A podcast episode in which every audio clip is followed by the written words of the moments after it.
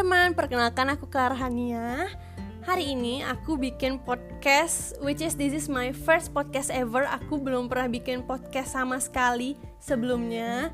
Dan kenapa aku bikin podcast ini karena sebenarnya aku ada tugas kampus dari dosen aku Pak Arif, pelajaran praktek kewirausahaan. Nah, sebenarnya aku tuh um, udah pernah terpikir mau buat podcast tapi belum terrealisasikan. Jadi makasih kepada Pak Arif yang udah buat tugas ini. Jadi uh, aku bikin podcast. Oh iya temanya yang bakal aku sharing ini adalah tentang entrepreneur.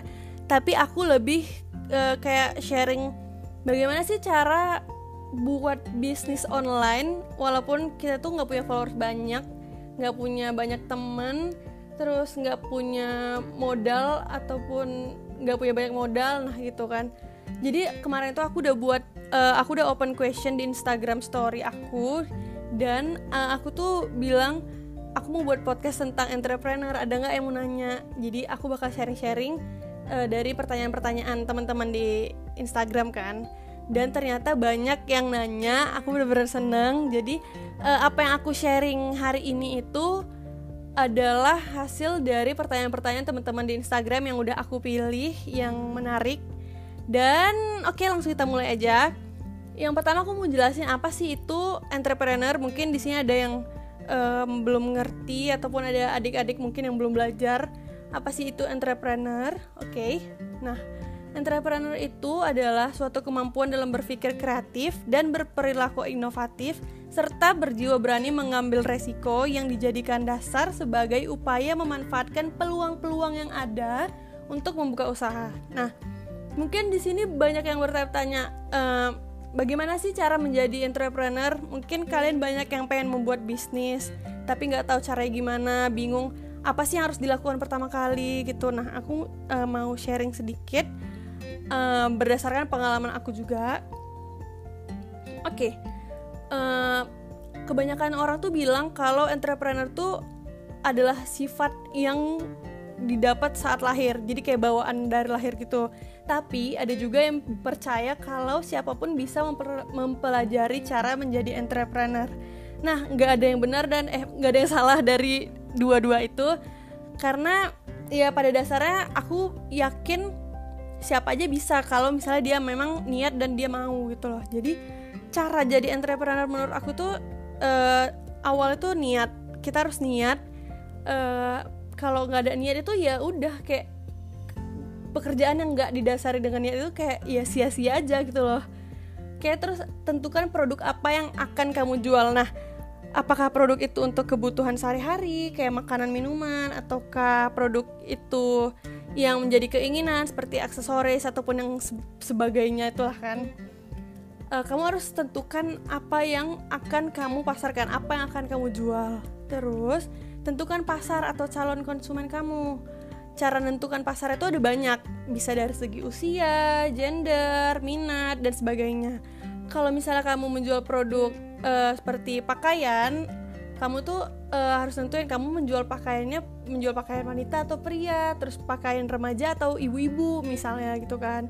Jadi harus tentuin sebenarnya kamu tuh mau targetnya itu target pasar yang di mana terus kamu juga harus hmm, kalau misalnya udah menentuin semua itu aku ngerasa itu sih yang awalnya yang salah satu yang penting. Dan kamu juga harus nentuin budget budget untuk uh, produk kamu gitu. Misalnya kamu jual pakaian mungkin kamu survei-survei dulu kayak bahan-bahannya terus uh, ongkos jahitnya misalnya mungkin gitu kan dan setelah itu uh, mungkin kalau misalnya udah semuanya terancang dengan baik baru langsung masuk ke produksi barang oke okay? uh, eh, pastiin kamu udah benar-benar mencari mm, bahan dan juga tempat jahit misalnya itu dan uh, benar-benar yang efektif dan juga efisien nah kalau misalnya udah selesai produksi barang gitu kan kamu harus uh, quality control juga kayak misalnya aku kan walaupun aku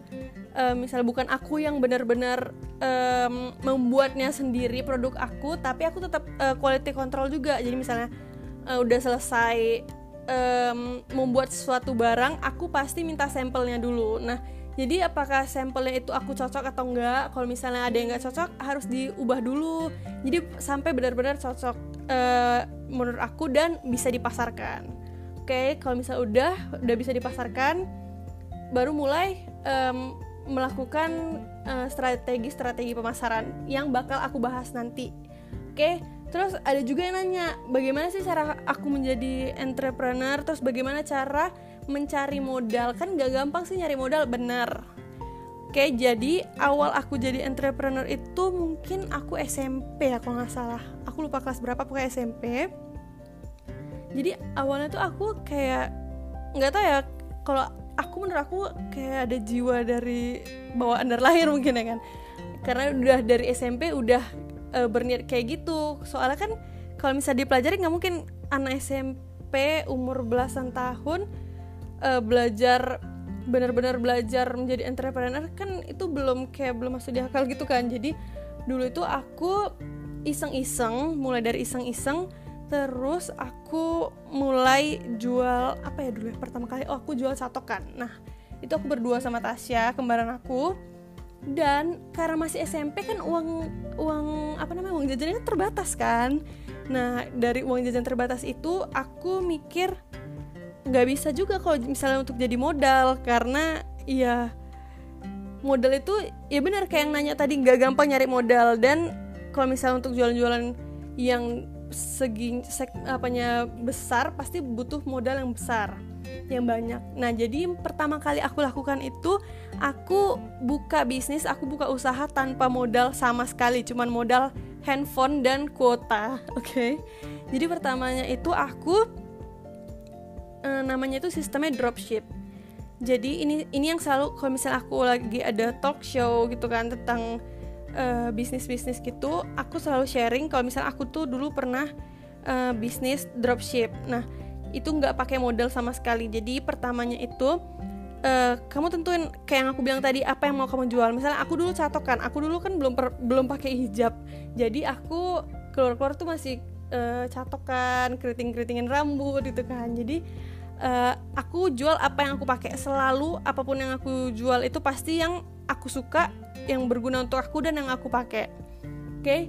jadi kamu tentuin misalnya aku kan jualan catokan tuh dan kemudian uh, aku cari um, supplier atau pemasok barang catokan yang murah dan bagus oke okay? kalau misalnya kamu udah dapet tuh uh, terus kamu buat Instagram online uh, apa account jualan kamu sendiri Nah, kamu buat tuh untuk kamu posting-posting gambarnya apa yang kamu jual.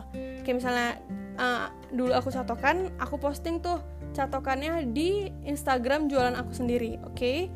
Setelah itu, misalnya uh, dari pemasok itu dapat harganya 100 ribu dari mana sih kita dapat untungnya? Kita naikin harganya menjadi misalnya 150 ribu Jadi satu barang itu kita udah dapat untung 50 ribu uh, terus kalau misalnya dia bertanya-tanya gimana sih caranya supaya nggak pakai modal sama sekali? Caranya itu pertama kamu posting foto-fotonya itu di account jualan kamu oke? Okay? uh, eh, dengan harga yang udah kamu naikin pastinya. Setelah itu kalau misalnya ada yang mau beli setelah kamu pasarkan segala macam ke teman-teman mungkin terus ada yang mau beli mereka transfer ke kamu dulu ke kamu sesuai dengan harga yang udah kamu naikin itu misalnya. Jadi mereka transfer ke kamu 150 ribu setelah itu kamu beli ke pemasok tersebut ke suppliernya dengan harga 100 ribu. Nah kamu transfer ke pemasok itu 100 ribu which is kamu udah dapat 50 ribu dari situ. Jadi kayak kamu tuh sebagai perantara antara pembeli dan pemasok tersebut gitu kan. Setelah itu si pemasok tersebut ngirim barangnya langsung ke pembeli itu. Jadi kamu bener-bener cuman perantara aja gitu loh. Dan kamu minta ke pemasok tersebut untuk ngirimnya itu ke alamat pembeli tapi menggunakan nama jualan kamu. Gitu kalau sistem dropship. Jadi bener-bener kamu tuh nggak usah packing nggak usah harus uh, punya persediaan barang dan segala macam jadi bener-bener harus cuma modal uh, handphone dan kuota. Dan juga yang pasti harus kreatif. Gimana caranya um, bisa memasarkan barang-barang tersebut gitu loh. Soalnya kan bukan produk kamu sendiri. Dan um, mungkin banyak yang jual seperti itu tapi kamu benar-benar harus bisa kayak menunjukkan apa sih uh, kelebihan dari yang kamu jual uh, kenapa mereka harus beli di kamu gitulah pokoknya. Nah itu yang itu cara untuk berjualan tanpa modal. Nah terus gimana sih cara bisnis online tapi nggak terkenal nggak punya followers banyak dan uh, kurang koneksi teman? Nah aku tuh selalu mikir kayak banyak orang yang mulai semuanya itu dari nol. Semua online shop yang sekarangnya sukses punya followers uh, ratusan ribu ataupun uh, jutaan followers di Instagram maupun di e-commerce e-commerce itu semua online shop yang sukses itu bukan berarti yang punya adalah orang yang terkenal, yang punya followers banyak, ataupun yang lain-lainnya dan sebagainya. Tapi aku yakin karena mereka itu tekun dan juga berusaha. Mereka itu pasti membuat sesuatu yang beda, yang punya keunikan tersendiri yang menjadi ciri khas um, online shop mereka mungkin gitu kan. Jadi aku ngerasa yang online shop yang memang pemiliknya terkenal itu ya itu menjadi nilai plus dari pemiliknya sih sebenarnya. Dan itu tuh ya hoki dari pemiliknya gitu. Jadi kita nggak bisa gimana gimana juga kan. Kalau misalnya kita nggak punya banyak followers nggak terkenal jadi kita harus um, punya ciri khas punya keunikan sendiri dan kita harus punya sesuatu yang berbeda dari yang kita jual itu. Jadi kayak orang-orang tuh kayak misalnya ngelihat produk kita oh ini tuh punya si ini. Jadi kayak langsung ada dicap gitu loh. Dan juga kalau misalnya kalian nggak punya banyak teman nggak punya banyak followers nggak apa-apa saat ini ada yang namanya endorsement. Aku yakin kalian semua pasti tahu. Nah uh, aku yakin metode ini adalah salah satu metode yang paling ampuh saat ini bukan karena apa-apa karena aku juga pernah melakukan endorsement ke salah satu influencer. Nah aku ngerasa uh, nah jadi endorsement tuh mungkin kalau misalnya ada yang belum tahu ya jadi kita tuh membayar seorang influencer atau public figure untuk mempromosikan produk jualan kita gunanya untuk meningkatkan penjualan kita gitu kan. Nah aku yakin salah satunya ini tuh salah satu metode yang paling ampuh sekarang ini karena uh, kalau misalnya kita memilih influencer yang tepat pasti kena gitu loh. Jadi uh, caranya tuh kalau misalnya kamu mau melakukan endorsement kamu harus pilih bener-bener juga influencer yang mau kamu endorse. Bener-bener maksudnya gimana sih? Nah maksudnya itu kalau misalnya kamu jual baju anak-anak kamu pilih influencer yang udah punya anak jadi kayak si influencer ini juga punya pasar tersendiri. Jadi kalau misalnya kamu menjual baju anak-anak tapi kamu jual eh kamu endorse nya ke anak ABG kan nggak masuk gitu kan. Di, di logika juga nggak masuk gitu kan. Maksudnya kayak kalau misalnya mama-mama influencer pasti kan yang mereka sering sharing-sharing tentang uh, parenting gitu kan. Nah jadi otomatis kebanyakan followersnya pasti ibu-ibu yang pengen mencari tahu tentang parenting yang di sharing oleh influencer tersebut. Nah jadi pasti kalau misalnya itu kamu menjual baju anak-anak ataupun kayak apa ya pokoknya tentang baby baby gitu pasti masuk ke pasarnya tersebut. Dan kalau misalnya kamu menjual produk olahraga mungkin. Kamu endorse-nya ke influencer yang sering olahraga yang sering ngeji mungkin. Jadi kayak kita tuh harus uh, pinter-pinter juga memilih uh, influencer atau public figure yang mau kita endorse. Jadi kayak bukan asal-asalan aja. Jadi kita pun nggak eh, nggak uh, salah sasaran dan uang yang kita keluarkan untuk promosi tersebut bisa balik modal bahkan membuat keuntungan berkali-kali lipat kalau misalnya kita te tepat sasaran gitu guys dan uh, ada juga yang nanya apa sih ketakutan terbesar jika menjadi entrepreneur? Menurut aku sih ya, semua orang yang mau jadi entrepreneur tapi gak jadi-jadi gitu, pasti salah satunya itu karena takut rugi. ya kan bener kan? Nah tapi kalau misalnya kita nggak pernah mulai kita takut terus kapan kita bakal berhasil ya kan? Kapan kita bakal tahu kalau misalnya kita nggak mulai terus kita nunda-nunda terus kita nggak pak kita nggak akan pernah tahu hasilnya akan gimana. Nah siapa tahu kita aku aku nggak apa-apa sih aku ngerasa nggak apa-apa rugi di awal atau gagal di awal tapi kita harus setelah gagal itu kita evaluasi apa sih yang buat kita rugi apa sih yang buat kita gagal. Nah setelah itu kita harus bangkit dan kita mem memperbaiki kesalahan-kesalahan sebelumnya. Dan jangan mau jatuh di lubang yang sama. Jadi kalau misalnya udah tahu apa kesalahan ya udah perbaiki. Jangan lakukan itu lagi. Nah aku yakin dari kegagalan-kegagalan sebelumnya pasti bakal memberikan uh, hasil yang bagus nantinya gak ada usaha yang mengkhianati hasil. Asik. Oke okay, jadi pokoknya jangan takut lah untuk gagal. Karena di mana ada kemauan di situ pasti ada jalan asik. Terus ada juga yang nanya uh, ini mungkin terakhir mungkin udah kelamaan ya. Apa yang dirasakan dalam berbisnis di tengah wadah COVID-19 ini? Aku ngeliat uh, apa yang aku rasain dan apa yang aku lihat dari orang-orang di masa-masa pandemik ini itu tuh bener-bener kayak uh, gimana ya semuanya tuh menurun. Penjualan-penjualan menurun karena juga pendapatan orang juga menurun kan. Misalnya ada yang malah ada yang di PHK ada yang dipotong gaji atau kayak yang uh, apa namanya pedagang-pedagang yang hasil ininya dari harian har, dari per hari yang harus kerja sehari-hari dan gajinya itu dapat dari harian gitu loh maksudnya. Kan jadi berkurang juga kan nggak seperti yang kayak biasanya gitu kan. Jadi aku ngerasa ya wajar-wajar aja sih uh, ini apa pen penjualan kita menurun karena memang lagi masanya kayak gini. Tapi gimana cara kita bisa bertahan? Ya kita harus uh, mencari cara gimana sih caranya? Kayak misalnya uh, misalnya aku ya aku jualan baju nih. Terus penjualan aku menurun.